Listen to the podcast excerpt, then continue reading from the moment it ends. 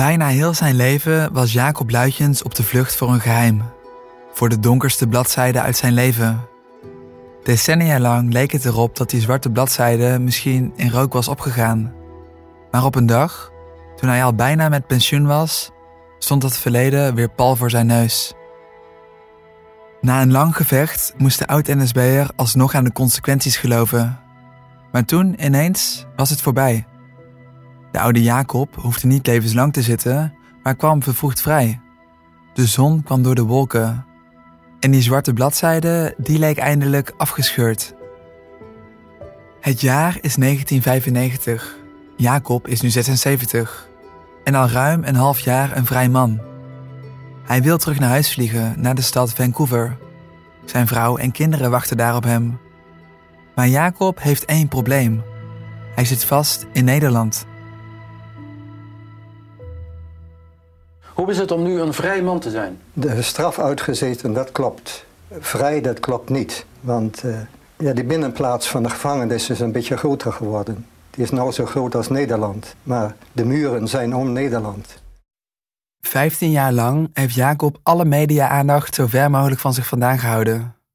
Maar vandaag, in november 1995, kiest hij er ineens voor om op de landelijke televisie te verschijnen.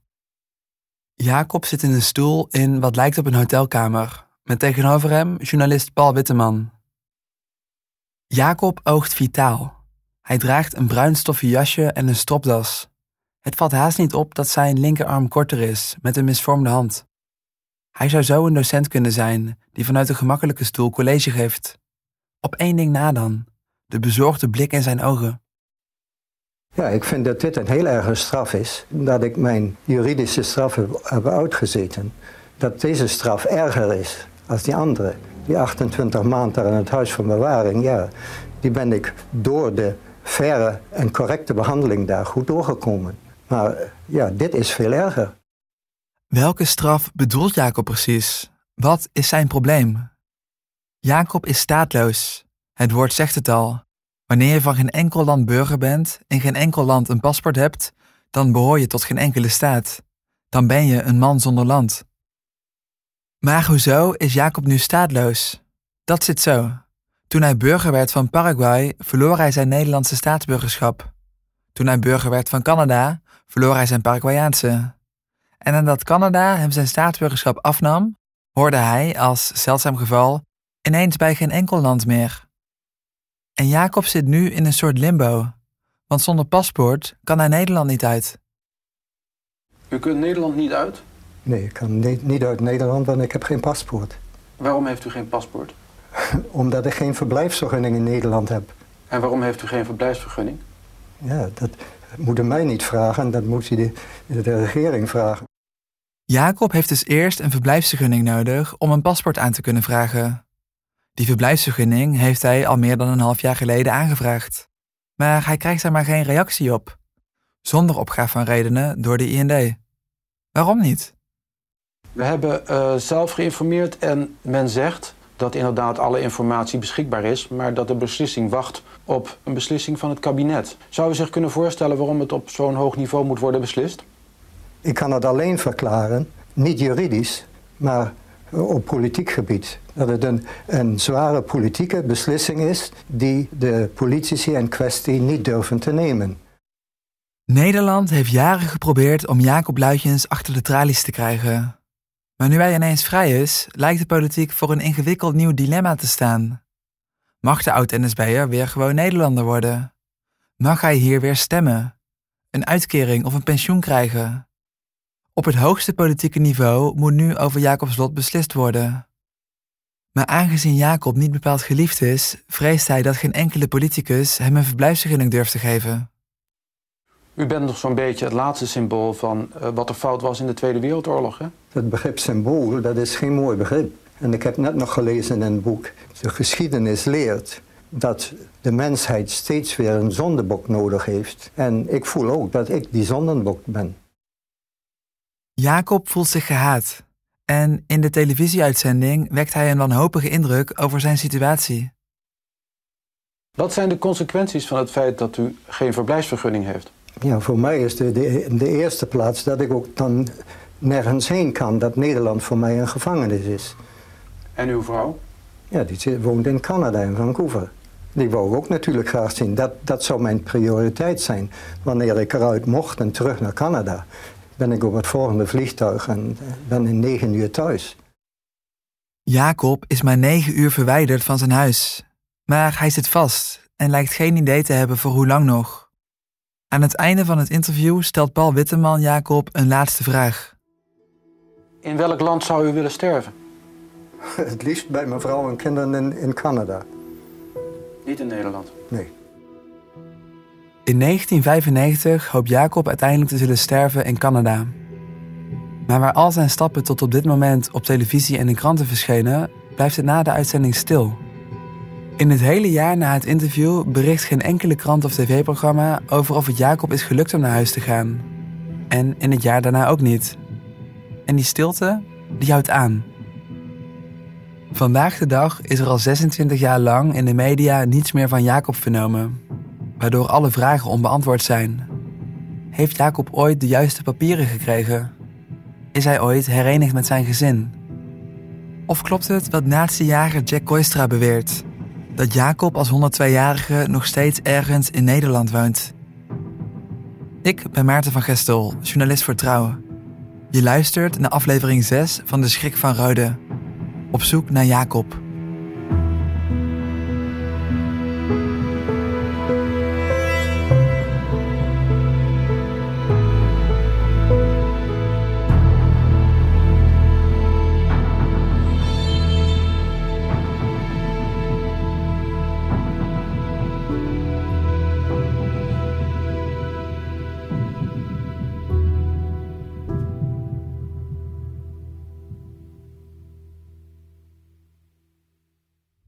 Is het met Jacob afgelopen? Waar is hij nu? Het laatste aanknopingspunt is de uitzending bij Paul Witteman uit 1995. Wat is er hierna gebeurd? Jacob vreesde destijds dat hij geen verblijfsvergunning kreeg omdat dit slechte publiciteit zou opleveren voor de politiek. En dit lijkt te kunnen kloppen. Luister maar naar deze mensen uit Rode die in 1995 op straat worden gevraagd wat de overheid nou met Jacob aan moet. Niet doen! Hij moet er niet weer heen, laat hem hier maar blijven. Hij hoeft toch niet weer naar zijn vrouw toe, laat ze hem daar dan maar straffen. Wat moet je met zo'n vent nou ergens opbergen waar hij uh, geen kwaad meer kan? En uh, normaal zetten ze hem ergens op de mokerij neer in een hutje of wat dan ook. Maar uh, afvoeren, dat is het allerbeste. Dat er me niet in Roden komt. Niet dat ik hem zo best ken, maar ik hoor het ook van horen en zeggen. Dat dit sentiment invloed had op de politieke keuze die over Jacob gemaakt is, lijkt ook duidelijk. Want wanneer toenmalig minister-president Wim Kok wordt gevraagd over wat te doen met de oud-NSB'er, klinkt hij hoogst voorzichtig in zijn uitlatingen. Het is ook een hele lastige zaak. Hoe staat u daarin eigenlijk? Uh, het, is, het is zo lastig dat ik er nog geen positie in kan hebben. Jacob zelf had in 1995 het gevoel dat hij in Nederland vastzat omdat de politiek geen raad met hem wist. En iemand die hier in die tijd al kritisch naar was, zie ik nu, was oud-NIOD-baas Kees Schulte. Want waarom krijgt Jacob niet gewoon een verblijfsvergunning en een paspoort? We hebben hier toch een gewone, doodgewone zaak, hoe pijnlijk die ook misschien voor een heleboel mensen is. Maar er is iemand die heeft zijn straf uitgediend. Dan zijn er toch regelingen, denk ik. Als een dergelijke iemand dan een verblijfsvergunning wil krijgen... dat je dan het ambtenarenapparaat dat dan toch gewoon onder verantwoordelijkheid van de minister af kan doen. Als daar een heel kabinet aan te pas moet komen. Ik vind dat hoogst merkwaardig. Ik kan het niet geloven. U weet toch uh, bij uitstek als uh, voormalig directeur van het RIOT... hoe hoog die emoties oplaaien als juist iemand met zo'n verleden... ook maar de schijn heeft weer in aanmerking te komen voor allerlei rechten? Zeker, maar het is wel eens tijd om ons af te vragen... hoe we nou met die emoties omgaan. We kunnen natuurlijk ons helemaal overgeven aan de emoties... en het verstand op nul zetten. Ja, dan uh, komen we er nooit uit. Want binnen een rechtsstaat is het toch altijd zo dat wanneer iemand zijn straf heeft uitgezeten, dat hij dan aanspraak kan maken op de normale regelingen, de normale rechten die voor iedere burger gelden.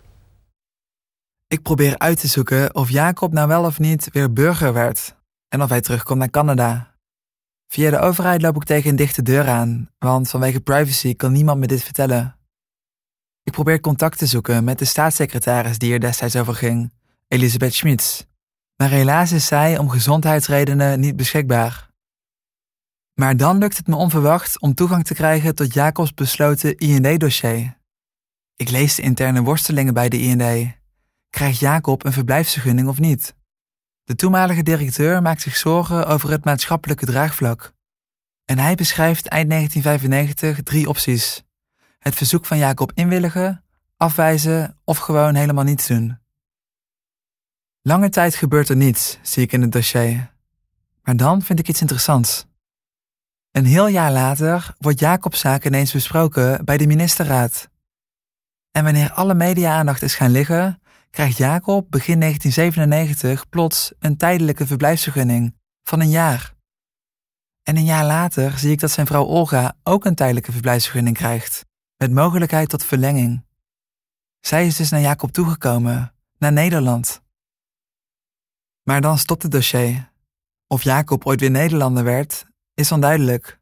En of het stel ooit nog terugkomt naar Canada, ook. Waar is Jacob Luitjes nu? Deze podcast begon met een opdracht van de 91-jarige natiejager Jack Koistra. Hij stuurde mij op pad met de vraag hoe Jacob terugkijkt op zijn natieverleden en of hij hier nu eindelijk afstand van neemt. Ik had hem graag willen vragen: heeft u dat gedachtegoed van toen nu nog? Hoe denkt u nu over uw daden en hoe kijkt u daarop terug? Jack zei dat Jacob nog steeds zou leven en in Nederland zou wonen. Zou het kloppen wat Jack beweert? Toen ik hem ontmoette, ging ik ervan uit van wel. Want wie kan dit beter weten dan een natiejager? Maar nu weet ik niet zo zeker meer hoe ik die informatie van toen op waarde moet schatten. Want Jack vertelde me meer dingen over Jacob die achteraf gezien niet met zekerheid blijken te kloppen. Zoals die bijnaam. De bevolking die zei de schrik van Roden. De twee moorden waar Jacob nooit voor veroordeeld is. Voor welke misdaad is Luitjes precies veroordeeld? Uh, voor het doodschieten van twee mensen. En Jacobs rol in de Jodenvervolging, die hij niet had. Hij was een verbeterjager op Joden en op onderduikers. Jack heeft hem op het spoor van Jacob gebracht.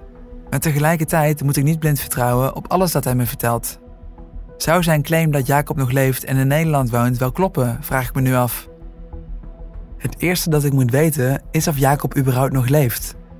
Deze vraag stel ik aan verschillende mensen die ik eerder sprak. Om te beginnen met de 90-jarige Jantje Dam, een oud dorpsgenoot van Jacob. Ik weet niet of hij nog leeft. Dan loopt hij al wat tegenover. Is wel vaker een die zei, hey, was wat van luidjes gehoord. Wij weten eigenlijk helemaal niet waar hij gebleven is. Ik denk niet dat hij nog leeft dan hoor. Jantje vraagt het zich met een groepje oude Rodenaren soms af. Heeft iemand nog iets over Jacob Luitjens gehoord? Maar het antwoord is altijd nee. Ze denkt niet dat hij nog leeft. Ik besluit het ook aan journalist Sjoerd Post te vragen. Hij volgt de Luitjeszaak immers al vanaf het prille begin. En misschien dus ook wel tot het laatste eind. Enige wat ik weet, in 2017 leefde hij nog. En of dat nog zo is, weet ik niet. Maar dan is hij wel heel erg oud, want hij is van 1919. Nou, dan zou hij dus uh, eh, 102 moeten zijn. Nou, niets is onmogelijk. Short lijkt niet helemaal overtuigd. Maar ook hij heeft geen helder antwoord. Ik kan op dit moment eigenlijk maar één manier bedenken om echt een antwoord te krijgen op de vraag of Jacob nog leeft en waar hij is. En dat is via iemand die eerder liever niet met me wilde praten. Jacob's nicht Janna Postma, die bij hem in Paraguay opgroeide en hem decennia later in de gevangenis opzocht. Aan het begin van deze podcast liet ze merken dat ze niet wil meewerken. Maar ik probeer het nu, een paar maanden later, toch nog een keer.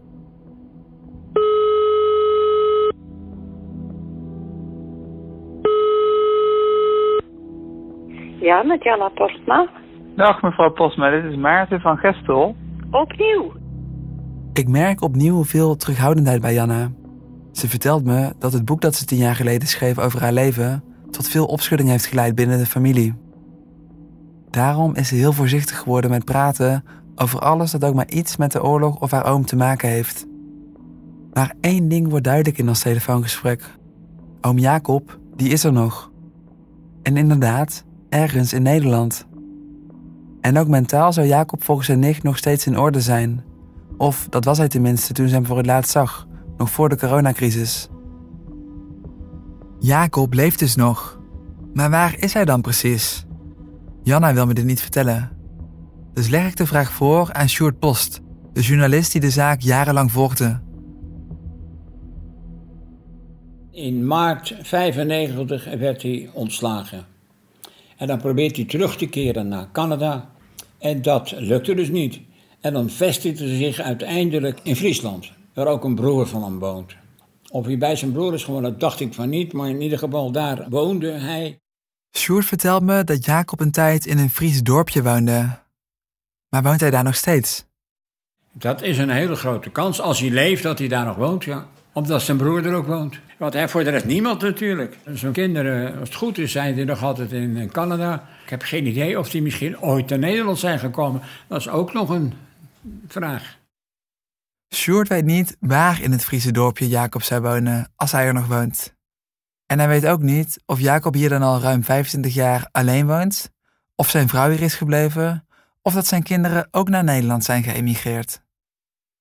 Ik vraag of Sjoerd nog een tip voor me heeft, en die heeft hij. Sjoerd herinnert zich ineens hoe hij ontdekte dat Jacob in 2017 nog geleefd zou hebben. Dat leerde hij niet via een krantenartikel, maar via een nogal obscure website. Ik kom terecht op een site die er iets wat amateuristisch uitziet, met veel grijstinten en waarbij mijn computer een veiligheidswaarschuwing geeft. Het is een site vol informatie over Amsterdam tijdens de Tweede Wereldoorlog, met daarbij gek genoeg ook een speciaal kopje over oorlogsmisdadigers door heel Nederland. De site wordt gerund door iemand die dat niet onder zijn echte naam doet, maar die ik, nadat ik een mailtje stuur, wel mag bellen.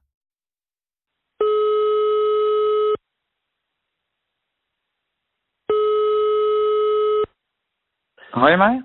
Ja, ik hoor jou. Ik moet even iemand uh, even wegzetten. Eén, heb je één tel? Je hoort de beheerder van de website, een echte Amsterdammer met een fascinatie voor de Tweede Wereldoorlog. Hij legt uit dat zijn website een soort Wikipedia moet zijn voor Amsterdam in oorlogstijd. Maar wat hebben mensen zoals de Drentse Jacob Luitjens en oorlogsmisdadigers daarmee te maken, vraag ik hem.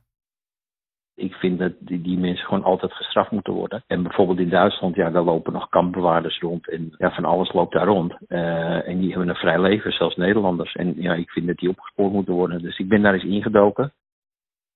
Maar wat weet hij dan over Jacob Luitjens?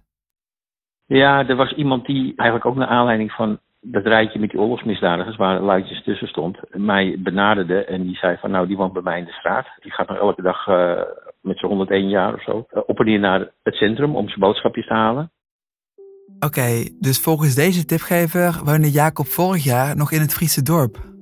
En was hij toen nog fit genoeg om met zijn 101 zelfstandig naar de supermarkt te lopen en daar zijn eigen boodschappen te doen? En wie was deze tipgever? Dat is uh, zijn buurman. Die woont in de straat. Hij zegt, ja, ik, ik woon aan het begin van de straat en hij aan het eind. Ik denk dat als je iemand tipt hierover, dat je zelf al een beetje een, een zwart gevoel erover hebt. Dat je zelf al denkt van, ja, geen prettige man. Want anders, waarom zou hij het maar anders uh, laten weten? Als het een vriend van hem was, had hij het niet gedaan. Op basis van deze informatie lijkt het er dus op dat sommige mensen nog steeds niet gerust zijn met de aanwezigheid van Jacob Luitjens in hun buurt. Ook niet zoveel jaar later. Weet de sitebeheerder nog meer over hoe Jacob daar woont? Uh, hij woont in zijn ouderlijk huis, zoiets dergelijks is het van zijn vader of moeder geweest. Uh, ouderlijk huis van...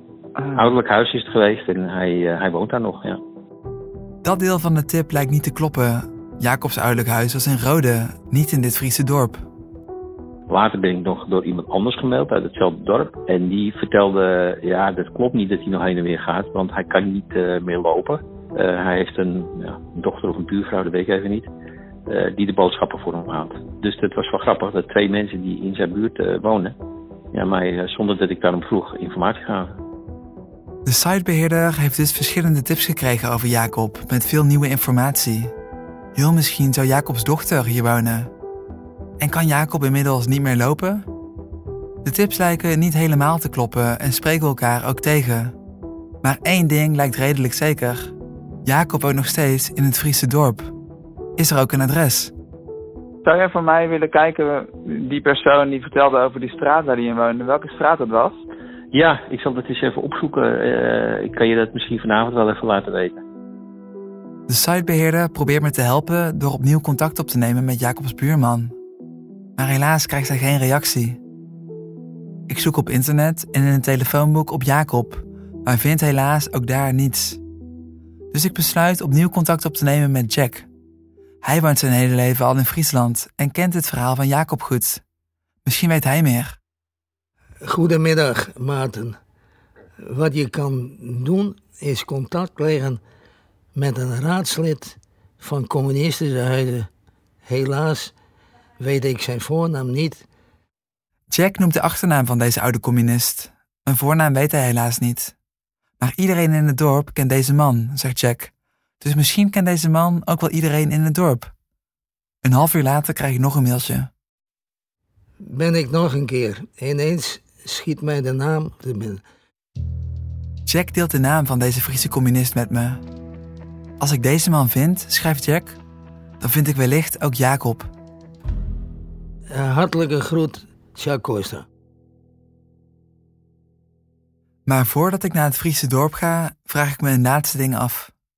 Als ik Jacob straks zou vinden, wil hij dan met me praten? Jack denkt in ieder geval niet dat het makkelijk is om binnen te komen. Ik ben er door Trouw naar gevraagd, door Panorama. De Telegraaf heeft het gevraagd. Algemeen Dagblad. Ik zei, hij wordt, wordt afgeschermd door de familie. Geen schijn van een kans. Jacob zou worden afgeschermd door familie. Daarnaast zou het me niet verbazen als Jacob door zijn verleden met de media zelf ook sceptisch is naar journalisten. Tegelijkertijd kan ik me voorstellen dat hij misschien voor de laatste keer zijn verhaal zou willen vertellen. Ik denk, ik denk dat het hier niet lukt. Op naar Friesland.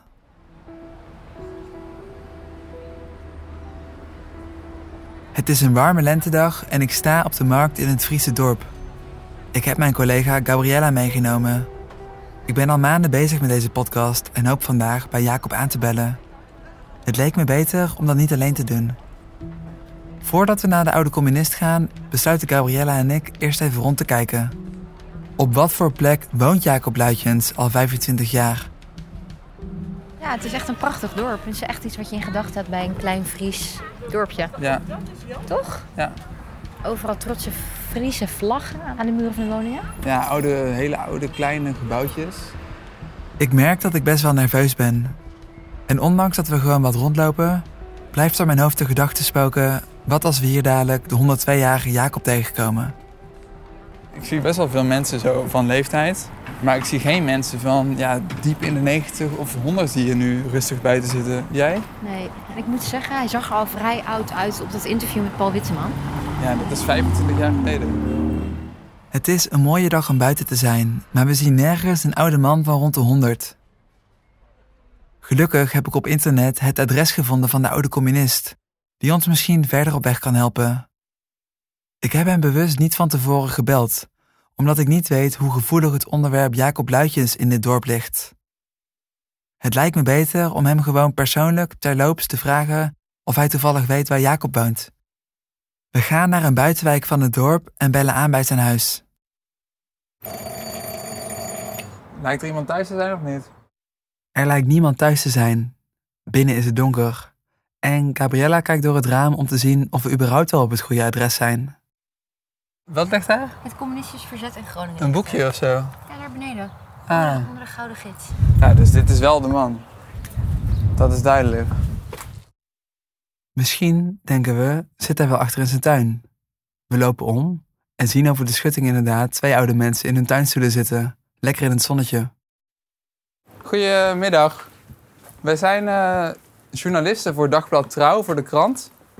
En ik had een vraagje voor u. We vragen aan de communist of hij Jacob Luitjes kent en of hij weet hoe zijn leven er de afgelopen jaren uitzag. Ja, hij is uh, uit, uh, uit, Canada gekomen en heeft ook uh, volgens mij in de gevangenis gezeten hier. En u kwam hem eigenlijk nooit tegen? nee, ik heb hem enkel keer wel eens gezien. Zou er ook luidjes ook zijn. En woonde hij daar op zichzelf of bij familie? Hij woonde op zichzelf. Hij bemoeide zich maar met niemand. Ik denk, het was ook vanuit zijn standpunt genomen ook een beetje verstandig natuurlijk. Ja. Maar is hij niet een beetje geïntegreerd als gewoon nieuwe bewoner? Nou, nee. nee. Volgens deze man zou Jacob al jaren een vrij geïsoleerd bestaan leiden en weinig vrienden hebben gemaakt hier in het dorp. Maar weet hij ook waar in het dorp Jacob woont? Waar hij woonde, ik moet even nadenken hoor. Hij woont in het verdeelte waarbij. Nee, nee, nee. Hij denkt even na en noemt dan ineens de naam van een straat. Daar heeft hij volgens mij gewoond. Of hij er nog woont, weet ik niet. Of hij nog leeft, weet ik ook niet. We hebben dus een straatnaam. We besluiten in de auto te stappen en naar Jacob toe te gaan.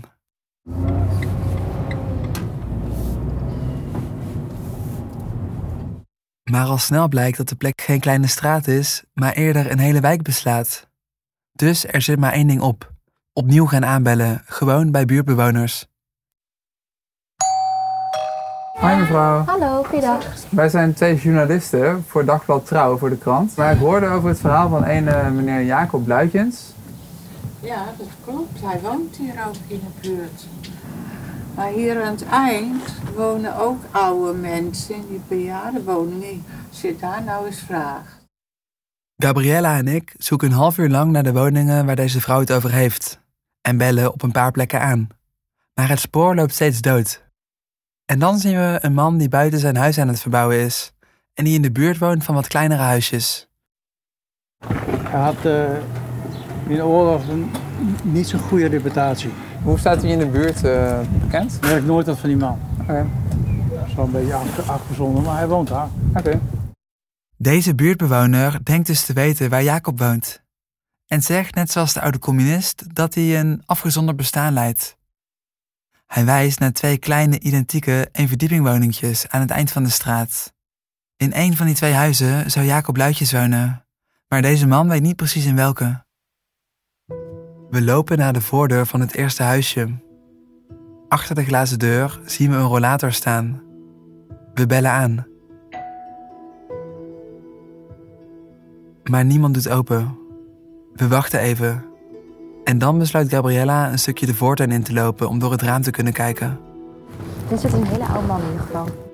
Gabriella ziet binnen een oude man zitten, die rustig een boek leest en de deurbel niet hoort. Ze klopt een paar keer op het raam. Het lukt Gabriella om contact te maken. De oude man staat op en loopt langzaam naar zijn voordeur toe. Dag meneer. Hallo, goeiedag. Ik ben Maarten en dit is Gabriella.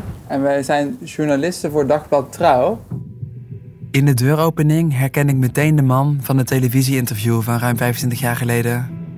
Dit is onmiskenbaar Jacob Luitjens. Ook al is hij ouder, kleiner en ziet hij er veel fragieler uit. Hij lacht ons vriendelijk toe. Wil de 102-jarige Jacob met ons praten? Of doet hij zo de deur dicht wanneer hij hoort dat we journalisten zijn? Dat hoor je in de laatste aflevering van De Schrik van Rode.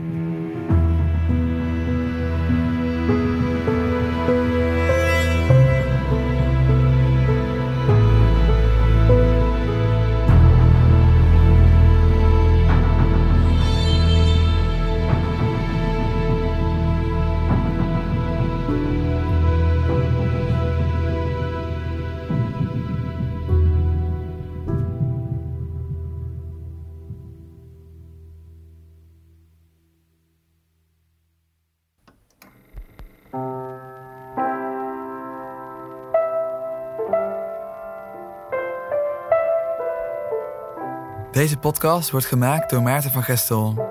Eindredactie Gabriella Ader. Montage, mixage en muziek Daniel de Boy. Aanvullende productie door Bastiaan van Orde, Joris Belgers en Kevin Goes. Coördinatie vanuit Trouw Martijn Roesing. Vormgeving Gemma Pauwels. De podcast wordt mede mogelijk gemaakt door de Stichting ter Bevordering van de Christelijke Pers in Nederland en het Fonds Bijzondere Journalistieke Projecten.